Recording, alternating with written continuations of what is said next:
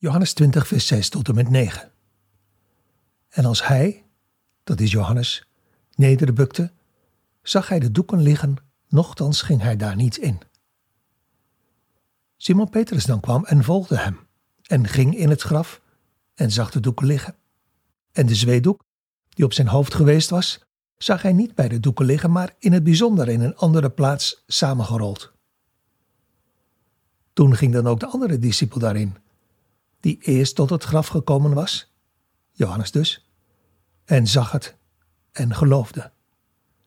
Want zij wisten nog de schrift niet, dat hij van de doden moest opstaan. Maria Magdalene is als eerste naar het graf gegaan. Liefde en heimwee trekken haar naar de plaats waar ze Jezus hebben achtergelaten. Maar tot haar schrik merkt ze dat het graf leeg is. Snel gaat ze naar Petrus en Johannes om hen te roepen. Petrus en Johannes. Echt twee heel verschillende discipelen.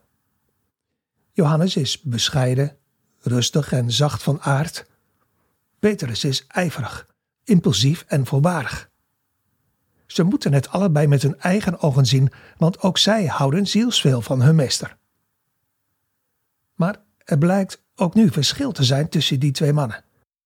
Je zou immers verwachten dat Petrus voorop gaat. Die is toch altijd haantje de voorste? Maar hij lijkt wat achter te blijven. Zou het te maken hebben met zijn eerdere verloochening van de Heer Jezus?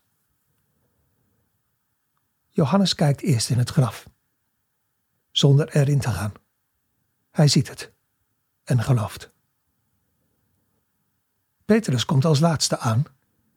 Hij gaat het rotsgraf binnen en ziet de doeken liggen, allemaal netjes opgerold. Maar hij blijft aarzelen. En dan gaan ze allebei weer terug naar huis.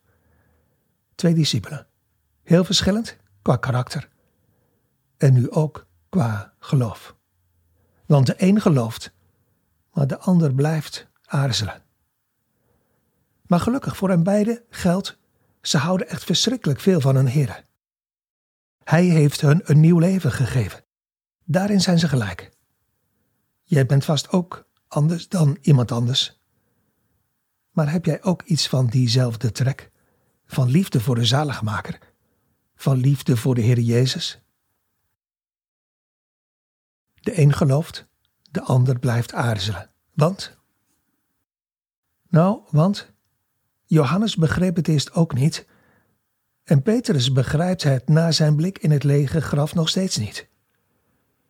Wat de schriften voorzegd hadden van de dood en van de opstanding van de Heer Jezus.